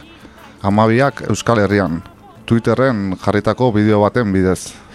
Karakasko La Carlota, aire basearen inguruan zegoen ustez, eta atzean zeuzkan soldaduz jantzitako gizabanako armatu batzuk, baita Leopoldo López bera ere. Voluntad Popularreko liderra alderdi horretakoa da Guaidó, ere 2008tik zegoen preso. Eta 2008an amairu urteko zigor, espetxe zigorra ezarri zion auzitegi gorenak. 2008ko txailan Maduroren kontra egindako protesten erantzuletzat jota. Eta 2017ko ustaietik etxeko atxiloaldian zegoen. Guaidoren esanetan, Venezuelako inteligentzia zerbitzuko zenbat funtzionariok bete zuten López askatzeko agindua, horiei amnistiatuak izatea eskaini eta gero. no perdamos los valores, aunque hayan pormenores. Quien dice la verdad se lleva en esto los honores, porque piensas lo que dices y lo dices con conciencia, importa que tienes. Gobernuak segituan erreakzionatu zuen eta militar traidore batzuekin batera Guaidok estatu kolpea jotzeko egindako saiakera salatu zuen Jorge Rodríguez komunikazio presidente ordeak. Eta Vladimir Padrino, defentsa ministroarentzat, Guaidoren kolpe saiakera baldarra eta alferikakoa izan da. Eta berriro, erridikuloa egin duela azpimarratu zuen.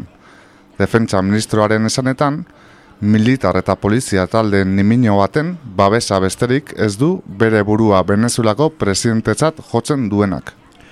Bai, zenbait eh, edabidek kaleratu zutenez berrogei tamar inguru izan ziren guaidorekin lerrokatu ziren militarrak. Ejertzito handia benetan. E, Diosdado Cabello, batzar konstituzio gileko presidenteak, organo horren esku dago botere legegila, ba, bitartean, eh, esan zuen Mirafloreseko jauregianen, gobernuaren egoitzaren kanpoaldean biltzera deitu zituen e, iraultza Bolibartarraren e, jarraitzaile guztiak. Eta ara jo zuten gobernuaren aldekoek Guaidoren zaleak berriz Lakarlotara joan ziren hasieran. Oposizioko buruak berak hala eskatuta. Baian borroka batzuk izan ziren oposizioko buruaren aldekoen eta Guardia Nazional Bolivarianaren soldaduen artean eta Altamira plazara aldatu zuten mobilizazio gunea. Eta berriz, agentziaren ara, F, ber, berri agentziaren arabera, e, GNB edo Guardia Nazional Bolivarianako tanke harin batek manifestari batzuk harrapatu eta zauritu zituen La Carlota inguruan. Eta ordurako Altamira plazan zeuden jada oposizioko bi liderrak. Beste eraso batzuk ere gertatu ziren hiriburuan eta bi pertsona balaz zauritu zituzten. Azkeneko hiru hilabeteetan kalera ateratzeko deia egin izan duten bakoitzean bezala, aste artean ere izan ziren bai, istilu batzuk karakasen, Guardia Nazional Bolivariana eta Guaidoren jarraitzaien artean. Dena den, oraingo egorak ez du zerikusirik e, 2008arekin. Orduko apriletik abuztura bitartean, eundagoita mar bat pertsona hil ziren kaleko istiluetan. Jorge Areaza atzerri ministroak astearte arratsaldean adiriazi zuenez. Herrialdeak erabateko normaltasunez funtzionatu zuen. Elkarrizketa aldarrikatu zuen eta urrengo egunetan edozein agertoki aurreikusten duela ere gehitu zuen. Guaidorentzat askatasuna operazioaren azken fasearen hasiera izan zen asteartekoa. Eta haren iritziz, maiatzaren baterako deitutako martxa, Venezuelan inoiz izandako handiena behar zuen izan. Eta datuei erreparatzen badiegu, txabismoak maiatzaren baterako antolatutako manifestazioak arrakasta itzela izan zuela esan dezakegu. Bai, eta bueno, ba, horren arira, hauek dia bertan eh, Nicolas Madurok eh, kolpistei esan dagoak. Entzun dezagun ba, Nicolás Maduro bera. Yo juré ante ustedes respetar y hacer respetar la constitución y las leyes. Y es lo que voy a hacer, es lo que estoy haciendo y fue lo que hicimos ayer. Respetar y hacer respetar la constitución, las leyes y el derecho a la paz y a la democracia y a la libertad de todo el pueblo de Venezuela. Si algún día amanecemos con la noticia de que un grupo de vendepatria y de traidores pretende usar sus armas para imponerse y para entregarle la patria al imperialismo, no lo duden ni un segundo, láncense a las calles todo el poder popular, todos los CLAT, todos los consejos comunales, todas las milicias, todas las VC, pueblo a la calle, pueblo a la calle, hacer justicia.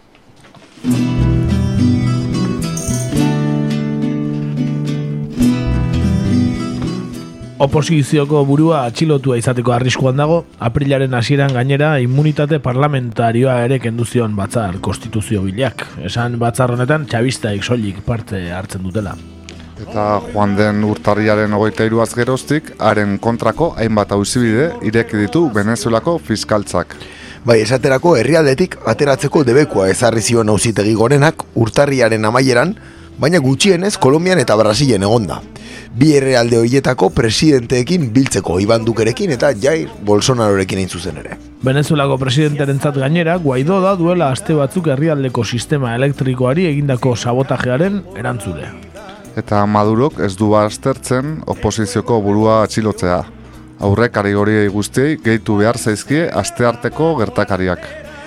Bitartean, azken hiru hilabeteotan zigor ekonomiko gehiago, ezarri dizkiote Amerikako estatu batuek Venezuelari. Bitartean saiatutakoaren limitazioak ikusita Leopoldo López eta bere familia Caracaseko Espainiako enbaixada daudela baiestatu zuen Espainiako Pedro Sánchezen gobernuak. Eta egoera honen arira, bertako segurtasuna indartu dute hainbat geo Espainiar polizia bertara bidaliz. Nazioartean, e, gertatutakoaren inguruan, erreakzio ezberdinak iritsi dira azken egun hauetan, Errusiak lehen momentutik estatu kolpea kondenatu eta elkarrizketarako deia egin zuen bere atzerriko ministeriotik. Boliviak ebo, Boliviatik Evo Moralesek, Kubatik Miguel Díaz Canelek, edo Mexikotik presidente berria den Andrés Manuel López Obradorrek, be e, ere eskatu estatu kolpe saiakera gaitzetsi zuten eta elkarrizketarako deia egiten egiteaz gain kanpo injerentzia saiakerak ere kondenatu zituzten. Eta Turkiak, El Salvadorrek, Nikaraguak eta Palestina Arginte Nazionalak ere Maduroren gobernuari haien babesa helarazi zioten gertatutakoaren arira. Txamponaren bestaldean, nora ez, estatu batuetatik Mike Pompeo, estatu idazkariak eta John Bolton, etxe zuriko nazio segurtasunerako buruek, Guaido babestu eta haien hitzetan demokraziaren eta askatasunaren aldeko borroka guztiz sostengatuko dutela adierazi zuten. Beraien askatasuna izango da. John Boltonek aukera guztiak mai gainean daudela gaineratu zuen eta Errusiari Maduro boterean mantentzeko eskuarterik izan ez dezan eskatu zion. Ba, John Bolton benetan personaje bikaina dugu, eh? Eta entzun dezagun, entzun ditzagun bere adierazpenak, eh, goizetik gauera eh, gazteleraz ikasi baitu, baitu. Queremos como nuestro principal objetivo la transferencia pacífica del poder. Pero le diré de nuevo, como dijo el presidente desde el principio, y que Nicolás Maduro y los que lo apoyan, particularmente aquellos que no son venezolanos, deben saber que todas las opciones están sobre la mesa. Si es posible mi pueblo. Si es posible la paz, bai, baino Bolton justo kontrako esaten ari zan, ezta? Dana dela posible, eh? Dena dela posible esaten duenean estatu batuetako agintari batek ez esan nahi duen badakigu, eh? Bai, bai hor ez dago interpretaziorako, ez, e, lekurik, e, de hecho, John Bolton ez da edo nor, bai, John Bolton da, e, bueno, estatu batuen kanpo harremanak eta kanpo politikak e, zuzentzen dituenak, bai, eta eta argi eta garbi, e, mai gainean daude aukera guztiak, de hecho, aste honetan, e, egon diren berrien arabera, badirudi Iraken kontratista, ez, arma kontratista moduan ibilitako enpresa batek, ja jendea reklutatzen ari omen dela, ba, Venezuelako balizko, ez, e, operazio batean, ba, ba, pertsonal hori erabiltzeko, ez? Gogoratu John Bolton eh, zela esan zuena eh, bueno, estatu batuari asko interesitza dola Venezuela negertatzen ari zena aurrera joatea, ba, batez ere petroleoagatik aurrera esan zuen, ezta? Petroleoaren interesak eta estatu batuen enpresen interesen gatik, ez? Duari gabe, beti errepikatzen dugu, baina ez gara nekatzen jakintza zuen Venezuela dela munduan, eh, petrolio erreserba konfirmatu handienak dituen herrialdea. Eh? Kasualitatea. Zatearren, Kasua- zatearren, Kasualitatea. zatearren. Eh? Kontua da tiranoa dagoela presidente, ez beste ez. Hori dana bigarren mailako kontua da petroleoaren eta. Hori Eta petroleaz aparte, baita beste hainbat lengai oso eh, oso gustagarri ek, mendebaldean entzat. Bai, bai, eta gainea leku estrategiko batean, e, bi ozeanoren artean, eta abar, eta abar. Areta gehiago badirudi ez, gaur ere berriro atera dela, e, Mike Pompeo ere atera da, e, adieraztera, hoxe, ba, beraiek pres daudela, edo zein e, esku hartze ez, behaien gaine hartzeko, eta oposizioa, e, demokratek, e, kongresura proposamena eraman ezkeo, baiezkoa emateko pres daudela adierazi dute gaur e, goizean. Oso demokratak hoiek ere. Eta Europar batasuna zer? Ba, Europar batasunak, eh, Antonio Tajani Europar Parlamentuko lehendakarearen ahotik, asteartekoa Venezuelaren askatasunaren eta demokraziaren bueltarako une historikoa izan zela aderazi zuen. Frantziak, erresuma batuak, Jair Bolsonaro, Brasilgo lendakariak, Iban Duque, Kolombiarrak eta Limako taldean dauden Argentinak, Panamak edo Txilek ere Guaidó txalotu zuten egindako ekintza esanguratsu honengatik. Nola ez, nola ez. Inorrek babestu ez zuen egintza, baina e, mundu guztian e, oi hartzuna izan duena, eta, bueno, ez dakit zer ez dauden, ba, Guaido, Guaido atxilotzea, e, sartzeko denarekin estatu batuak edo, edo, edo zer. horrei esan e, faktore asko daude, ez? Zein izan daiteken txispa piztuko duen edo, ez? E, eskusa emango dien, e, ba bueno, ez? E, gertaera, Ada ere, berriro goratu behar dugu Leopoldo López eta Juan Guaido oposizioaren zati bateko kideak direla. Hau da, oposizioaren beste alderdi batzuk ez dituztela babesten, hori lehenengo gauza. Bigarrena esatea beraien alderdia, voluntad popular, Venezuelan, eskuinaren eskuinean dagoen alderdi badela, ultra eskuinean ez esateagatik. Hori ere gutxitan entzuten dalako, ez? Mas mediatan, e, internet horri badaukate, edo horrek irakurri dezake beraien programa elektorala zein dan. Eh? Eta gero bestalde batetik ikusten da hemen denbora inork ez duela galtzen, eta okerrez banago atzo, bertan, e, Jorge Arreaza, bai, Venezuelako atzerrirako ministroa, Errusiako atzerri ministroarekin bildu zen, Sergei Lavrovekin, eta e, bilkura egin zuten, bertako egoera aztertzeko, eta badirudi Errusiak ere, ba, bere fitxan mugitzen ari dela, eta muturra normala den, baino gehiago sartzen ari dela, Venezuelako e, egoeraren arira. Bai, hau da, Ea, ea zein sartzen den Venezuelan, ez? Zeren Errusia alde baldin badauka Madurok... A ber, a ber ze gertatu behar da, no, eh? Eta, eta pixan nabar, nabardura bat, ez? Lehen aipatu zu Antonio Tajanik eh, nola Venezuelaren askatasuna eta demokrazia askatzen zuen, ba, orain dela aste gutxi batzuk Tajani berak, eh, Mussolini berak gora aipatu zuen, eh? Hazi personajea, eh? Tajani hau tela maninera, eh? Beti bata besten atzetik. Ai, esan nahi ez, Espainiar estatuan, eh, Guaidoren estatu kolpeari babesa eh, mantzion lehen alderdia box izan zela, adibidez, ez da, beraz, eh. Ideia bat egitearren, ze alderdita hitz egiten ari garan, gero inorrez dadila harritu, ez?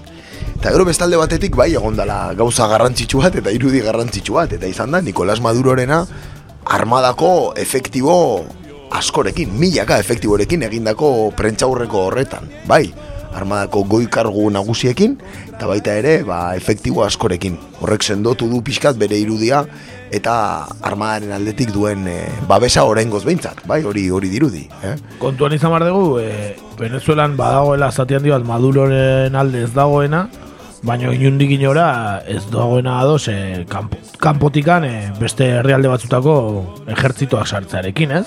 Hor ikusi beharko litzateke, jende guzti hori horrek zer egingo luke nolako zeo zer gertatuko baliz. Hortxe kontua, bai, eta hor badirudi Guaidok eta bere alderdiak ez volunta popular honek egindako diskurtsoak e, oposizioan zeukaten adesioa gutxitu egin duela eta ez gehitu, beraiek espero zuten bezala. Bai, oposizioko hainbat alderdi, hauteskundetara aurkeztu zirenak eta hauteskundeak galdu zituztenak, bai, e, ez dute bat egiten, beraiek e, marraztutako hildo honekin eta estatu batuek egindako hildo honekin. Ez orduan, horrek ere arazoa suposatu dezake.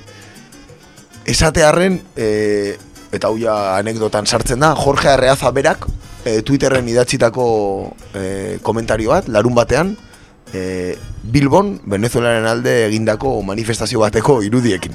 Mhm. Bai, bere Twitterreko kontuan, kaleratu zuen Bilbon, ateratako argazki bat, esan ez Euskal Herrian ere, ba, jende bat bazegoela, e, ba, bueno, gertatzen ari zenaren aurka. Bai, jakin dezatela Euskaldun guztiak ez degula nasagastik bezala pentsatzen, ez da? Ez da gutxiago ere.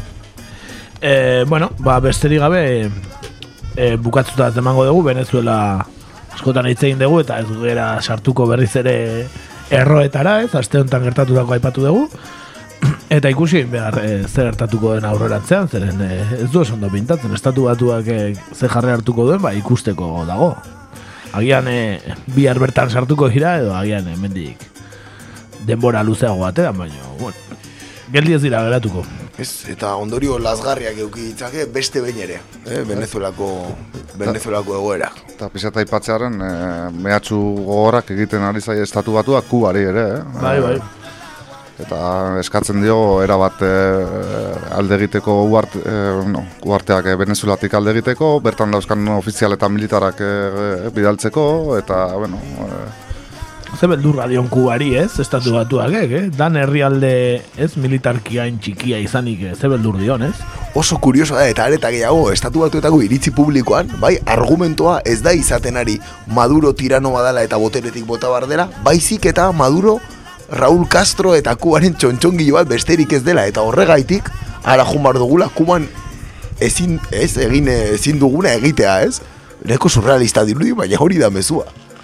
Bueno, ba, sinistuko dute estatu batuetan. Izango da, New York Timesek esaten du eta jendeak sinistu egiten Ba, du. sinistuko du, bai. Beste batzuk la sextak esaten duten sinistu dute, ba, ba, hona esango da. Orain ikusiko dugu, ea, e, kubari blokeo egoera hori, era muturreraino eramaten dion estatu batuek, eh? Baina itxura guzti hori dauka, eh? Bai, bai, ikusiko dugu ze, ze gertatzen den. E, itzu, itzuliko gara venezuelara, ez daizkigu erratxaio asko geratzen denboraldi honetan, baina seguru oraindik itzuliko garela, ez da? Itxura daka. E, abesti bat ekarri dugu, e, no volverán Gregory Palenciarena, eta ba, abesti hau entzun, eta bueltatuko gara efemeride etxo batzuekin, ez da? Hori da. Por aquí pasó, compadre, hacia aquellos montes lejos. Miren el rastro en la paja, míreselo, compañero, como las claras garúas en el terronal reseco, como en las mesas el pozo, como en el caño el lucero, como la garza en el junco, como en la tarde los vuelos, como la nieve en el pico, como en la noche el incendio, como el cocuyo en el aire, como la luna en el médano, como el potro en el escudo y el tricolor en el cielo. Es el barrio. Nuestra voz no callará. Somos ese bravo pueblo por el cual Bolívar dio su vida por la libertad. Por la libertad. Y hace rato que nos zafamos de las cadenas y le juramos que no volverá. Juramos que no volverá. Nuestra voz no callará. Somos ese bravo pueblo por el cual Bolívar dio su vida por la libertad. Por la libertad. Y hace rato que nos zafamos de las cadenas y le juramos que no volverá. Juramos que no volverá. Ey, rebeldía bolivariana, una rebelión de militantes que como estandarte llevan el barrio siempre adelante misterioso. Mi gente no quiere más engaños, son los mismos títeres que se caló el pueblo por 40 La lucha años. no parará, venceremos y vencerá todo revolucionario que por el pueblo pregone la igualdad. Nuestra moral no se cae y fieles a la patria como con Simón lo fue Manuel Nuestra Sáenz. voz no callará el camino que está hecho en la verdad. Si no cree, pase camarada y observe pa' acá. Aún se mantiene vivo en el pueblo Bolívar. Con todos sus guerreros en el gueto entregaron su vida. Sangre latina que corre por nuestras venas. La idea ya sembrada en esta tierra hoy se cosecha. El barrio para que le duele está gritando abre brecha. Venezuela en libertad, rodilla en pie para las que Nuestra vengan. voz no callará. Somos ese bravo pueblo por el cual Bolívar dio su vida por la libertad. Por la libertad. Y hace rato que nos zafamos de las cadenas y le juramos que no volverá. Juramos que no volverá. Nuestra voz no callará. Somos ese bravo pueblo por el cual Bolívar dio su vida por la libertad. Por la libertad. Y hace rato que nos zafamos de las cadenas y le juramos que no volverá. Juramos que no volverá.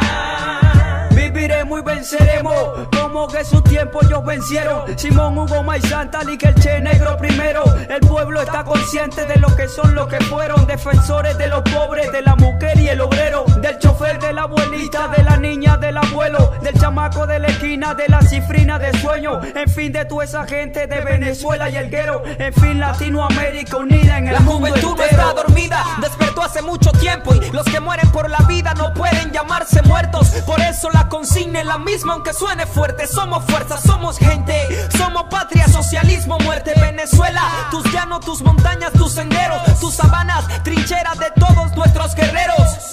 Tus mujeres, tus niños, la clase obrera y camaradas como yo que juran alzar tu bandera. Nuestra no callará. Somos ese bravo pueblo por el cual Bolívar dio su vida por la libertad. Por la libertad. Y hace rato que nos zafamos de las cadenas y le juramos que no volverá. Juramos que no volverá. Nuestra voz no callará. Somos ese bravo pueblo por el cual Bolívar dio su vida por la libertad. Por la libertad. Y hace rato que nos zafamos de las cadenas y le juramos que no volverá. Juramos que no volverá. Ey, es el proletariado. Zapato en sí, José Gregorio. Del pueblito donde se hacen la silla, Maracay. 2013. Ulises en los controles. Es el proletariado. Venezuela. No volverán.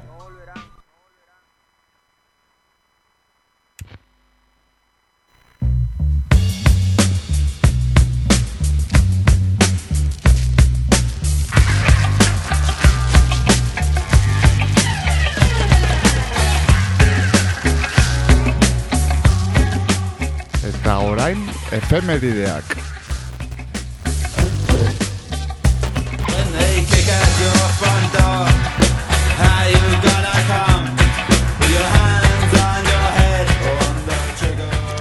Bueno, eta efemerekin hasteko maiatzaren zeira joko dugu, mila bederatzireun da irugaita garren urtera, eta egun hartan, etak Andres Segovia Peralta Guardia Zibila hil zuen Gernikan.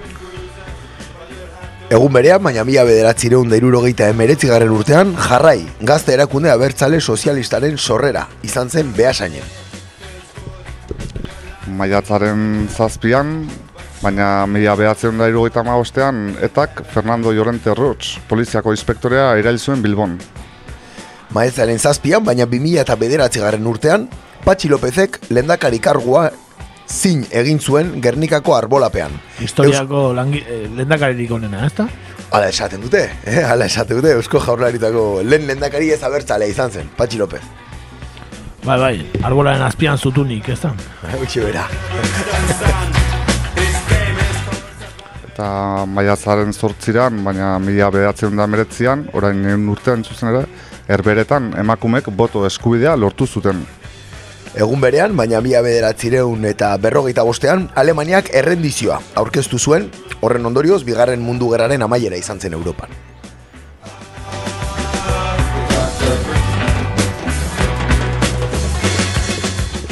Eta orain mila behatzen da goita maseiko maiatzaren behatzira joko dugu, eta egun hortan Etiopiak, e, osea, barkatu, e, Italiak Etiopia anexionatu zuen. Egun berean, baina mila bederatzireun da berrogei garren urtean, Alemanian, Adolf Hitlerrek eutanasia legeztatu egin zuen. Hemen, hemen orain dio borroka nahi dira, eh? Bitu, hortan Hitler progresista guatan.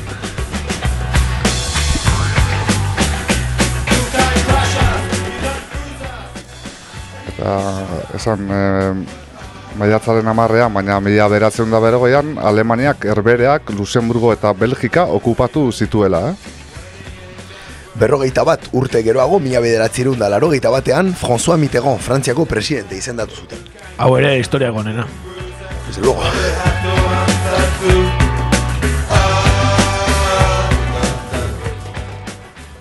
Eta ja, efemerekin amaitzeko, e, mila behatzen da irurogeiko maiatzaren amaikan, Mossadeko agentek Adolf Eichmann atxilotu zuten Argentinan. Eskuta, e, Argentinan eskutatzen zen buruzagin nazia eta gera kriminala. Mossaden lehenengo internazionalki, ez, e, ospetsua egintzen e, golpea edo, bueno, op- operazioa edo, ez. Hori da, eh, baiketa eta eta ondoren, ba bueno, eh, Israelen izandako epaiketa guzti hori eta eta kontu guzti hori. Bai, hori da. Vale, ba, sare sozialekin eh, joango gara, efemerideak amaituta, goazen sare sozialekin.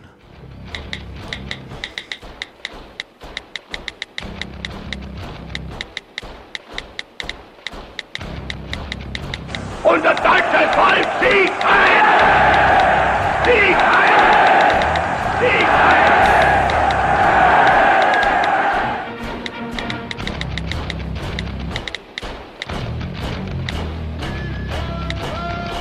Badatoz SSA.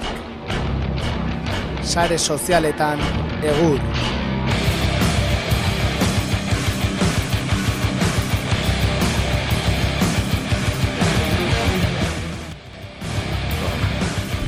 Beno, guazen ba, e, sare sozialekin, lehenik eta baina Venezuelaren bat aipatuko dugu, izan ere bertan e, ETBek duen korrespontxala Jon Artano izetak, Ba, jarraipena egin dio kontu guztioni, zaipatu dugun Venezuelako kontu guztioni, eta adibidez idatzi zuen nola militarrek Nicolás Madurori bizkarra eman diezaioten konbentzitzeko aleginean Guaidok e, kuartel eta komandantziara joateko eskatu zien herritarrei, eta bera bertan zen Jon Artano eta esan zuen oso oso opositore gutxi mobilizazioetan. Kazetariak gehiago izan gara, esan zuen.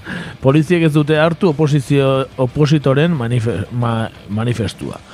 Beraz, e, bueno, Algarri dugu, ba, hori, eh, aspaldi aipatu gero bezala, anasagaztik egurra eman baizion Jon hartan hori, hemendik gure elkartasun osoa, jonei, eta eta hori, ba, bertan dago, eta bertakoa kontatzen du, eta eta anasagaztik ez gustatzen.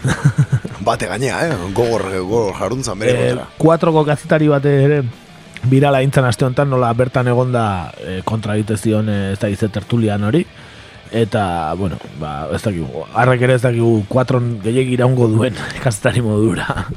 Zen, eh, okei diarioko Kristina Segi, edo, ez? Ah, eh, famatu. bueno, bueno, bai, bai, tertuliara hori da, bai. Famatu horrek gaina lezioak ematen zizkion, bai. Aipatu, ba, aste hontako Twitterreko galdera orantxe botako dugula, Izan ere, ba, bueno, ez dugu, beste batzutan ekartzen dugu oso galdera, ba, pixkate, agarra jotzekoa, ez, eta parrea egitekoa, baina gaurkoan, ba, okurritu zaigu galdera serio egitea, eta horrela galdetuko dizuegu entzule. Ea, uste zuen Venezuelaren, Venezuelan estatu batuaren interbentzio militar bat gertatuko den edo ez, ea, zer uste zuen zuek, bai edo ez, Eta ba horixe da bidaliko dugun txioa. Gaurkoan serioa, baina jakin nahi dugu zuen iritzia, irutzen zaizuen e, estatu batuak edukiko ote duen adorerik e, Venezuelan interbentzio militarra egiteko. Ikusiko dugu, hemen txioa txioa, bidalita eta zuen erantzunen zain gatzen gara.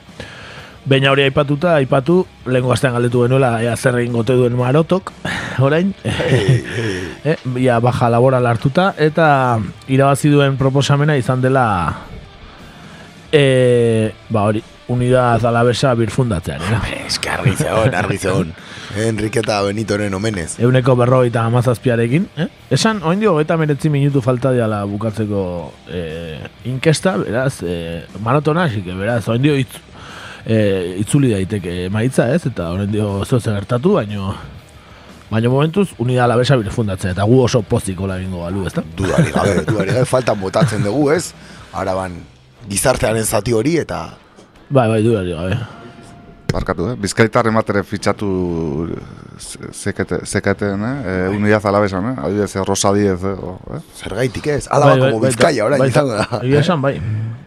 Esan, eh, eh, Bizkaitar bastante aurkeztu dela arabako zerrenda buru azken hauteskundetan, hasi que izan zitekeen beste bat gehiago, eh? eh ba hori segure galdera bidalita, aipatuta eta guazen e, ba, beste kontu batzuekin. Adibidez oso birala eginda Jose Luis Martínez Almeida, e, da alderdi popularreko Madrideko alkatetarako, bueno, alkate gaia. Eta agertzen zen, e, motor baten, e, atasko baten egongo aliz bezala, ba, ke- kejatzen, Eta bueno, bere bideoan bertan nabarmentzen da, ba ez dela inbesterako ataskoa eta neko, neko lotxagarri geratu da. Ekarri ez dugu bere audioa, ikustea hain dio bea da, zatik be- beak eta egiten du parre, nik uste. Eh? Be, beatan agonturatzen da, zera izki gatzen nahi da, baina bueno. Entzun dezagun bere, bere kontua. Llevo 15 minutos en una moto para recorrer 200 metros de la calle Mayor. ¿Veis ese autobús de ahí delante? Se está bajando la gente de ese autobús. ¿Veis eh, los taxis? Se está bajando la gente de los taxis. Estamos en puente, en pleno puente, aunque sea día laborable. Esto es Madrid Central, la mejora del tráfico, la mejora de la contaminación, esto es imposible. Erra, erra. De la vara jartzen du la gente bajando de un autobús, ¿dónde iremos a parar? El mundo se va a la mierda. Por cierto, arranca que el autobús ya se va a la parada y te están pitando. Ez, es que guía. Benetan ikustekoa bideoa, eh? benetan ikustekoa. Es que lotxagarri geratzen da gizona. Hostia, Martínez Eh, Almeida. Pepeko hautagaia al- Madrideko alkatetzarako, eh? Benetan, benetan lotxagarri ikusi zazu bideo, eh? benetan polita bat. Ostra, merezi du bai. Beste, e, bueno, esamez asko egin sarean izan dituen eh, kontua izan da, ba, boxeko, bak izuen nola boxek e, jarri zuen eh, berriro kontatzeko bozkak ez, e, ba, denuntzia bat, o, bueno, aurrera nahi dute eramatea, Eta, bueno, adibidez, Maria Fernanda Cabal, ba, dirudienez boxeko bozkatzaile batek esan zuen, admitida tramite la denuncia de Vox España. Era imposible que con el 12% del voto escrutado Vox tuviese 23 escaños y con el 100% tuviese 24. claro, ve aquí, ve aquí tendu una calculada, claro, hauneko amabiakin eta iru baldin bauzka, uneko unekin, ba, ba? Marka, eh? Hala, gure, gure estadista berria. eh? Baina bere abizera oso ondo doa, eh? Kabal, eh? Bai, oso kabala, Muy kabal, eh? oso kabala, Jo, bai. Maria Fernanda. Santi Leonek erantzuten dio, nork errandu boxekoek ez dutela deusetarako balio. Oraingoz matematiketan eta batez ere euneko, eunekoen importantzia ulertzeko balio izan du, bai, jo. Benetan. Latza, eh? Latza. Benetan, claro, imaginatzen detan, eh, hauteskunde maitzak ikusteko, Ose, ez da igotzen box, ose, ez da igotzen, eh, beti gatzen da eta iru, ose, baino gehiago kontau dira, ez? Ba, bere kalkulua, gero ez da boto gehiago atea, ba, gero igotzen dijo laskainotan, ez? Claro, claro, bere datuen arabera berreunda berrogei diputatu lortuko lituzka, ez? Boxeko, a tope. Hori da, hori da. Venga. Bueno, honetan e, ikaragarria. Bueno, pilo bat eh, kontu izan ditu horrekin, eh? Baina, izan da, benetan, eh, asteko onenetakoa. Oso ona. Ekarri dugu beste kontu bat izan da Don Michel Erregea. Bere txio bat ekarri dugu, baina kontua izan da aurreko astean e, Twitterrek kontua blokeatu ziola. Abai? E, bai, orain bi aste do, ba, azkeneko, kanpainako azken astean ezin zuen txiorik egin. E, dirudienez, ciudadanosekoek edo zeo zer Twitterri ba, Twitterri salatu zuten Twitterren e, ba, zea, e, Don Michel Erregearen ba, bakizu, oso komentario ba, gogorra egiten ditu, ironikok eta egur bastante banatzen duta, ba, aste beterako suspenditu intzioten kontua. Eta orain bueltatu da aste honetan, egurra eman da eman. Horretaz euskanak atera ditu, Horretaz, no? baina bueno, ekarri dugu bat, pilo bat idatzitu ekarri dugu bat, ba, gogoratzeatik gu ere altxasuko kontua basaten du. Pues ya van 901 días en las mazmorras los chavales de Altsasu, por discutir con los chicos de Vox. Eta nola izan bai da. Egia garanta, bai. E, eta hori xe, horiek ziren gaurko ditugunak, eta extra bat ekarri dugu, eh? Aspaldiko partez, ba, gure Winston birakatxa paba maitea ekarri dugu. Beti placer bat, eh? Be- Bere berrik eukitzea. Gure korrespontxal favoritoa, beti ere Nariñoko departamentuan, ez da, Kolombian. Bueno, ba, gaurkoan ekartzen digu, ba, drama familiar bikoitz bat, eh? Latola herrian, Nariñon, ba, ba, izan ere, Jose Miranda Silva soldadua hil egin zen, e, eta ez dute oraindik erantzunik jaso ba, ejertzito nazionaletik, e, ze gertatu zen, eta bueno, ba, familiak e, okerrena pentsatzen hasi da, eta uste du kontatu dioten bertsioa ez dela egia. Beraz, e, benetako kulebroi gogorra, eh? Nariñoko departamentutik gaur datorkiguna, beraz, onena, Winston birakatxa berari paso eman, eta bera entzute izango da. Guazen Winstonekin. Un drama por partida doble vive una familia del municipio de La Tola que hoy, seis meses después del asesinato de uno de sus hijos, le pide respuestas al Ejército Nacional. Seis meses después de la muerte del soldado José Miranda Silva, su familia asegura que nadie del ejército ha querido explicar realmente qué pasó con el militar que estaba adscrito a la base militar en Tame, Arauca. Sí, yo digo que hay algo oscuro, algo que, que no, no sé qué, qué es lo que ellos quieren ocultar, los altos mandos, no sé qué quieren ocultar ahí, porque hasta el momento, incluso nosotros como familiares no hemos recibido ni un apoyo psicológico. Esther Miranda, progenitora del soldado, dice que tiene muchas preguntas que nadie ha querido responder. Pues de eso a menos no sabemos nada porque ellos simplemente nos dijeron que habían estado en un combate cuando muere el solo militar sin haber un herido, sin haber nadie más. Entonces eso a nosotros nos tiene inconforme porque todo está en la impunidad. Mientras tanto, uno de sus hermanos insiste que hay serias contradicciones en el dictamen de la muerte del soldado Miranda Silva. No sé, no sé mi hermano en realidad qué, qué supo, qué miró en contra de ellos, no sé. Incluso cuando lo matan nos dice que fue un enfrentamiento de la guerrilla y habían dos soldados más avaliados. Averiguamos bien, en ningún momento hubo más soldados, solamente la muerte de nuestro hermano. En Tumaco, Winston Viracachapaba, Noticias RPTV. Beti bezala bikain Winston, eh? Eta benetan, eh, Mm, gauza ilunak, eh, benetan, eh? I- Iban Dukeren gobernu demokrata hortan, eh? Bai, bai, zoze arraro agertatu zaio soldadu herri, eh? Usain txarra daka, kontu honek, eta uste denok berdina pentsatu dugula, ezta? Hemen gauzak ez daude argi, eta... Eta bueno, Egian datorren astean eh, ko- argituko dizkigu Wistonek, zein edaki. ba, esan barra dago, e, ikerketa eta kasetaritza lan bikaina beste behin ere, eh? Winston birakatxapagaren aldetik. Beti bezala, beti, Beti bezala. Ikaragarria. Eskerrik asko Winston, eta bea, ja bidaltze prozesuan daukagu urde azpikoa zuretzat, Winston, eskerrik asko. Ah, Ardo botila baita. Ardo botila baita, ba, bazpare, reporteria, Eria, ekipoa. reporteria ekipoa lapurtzeko.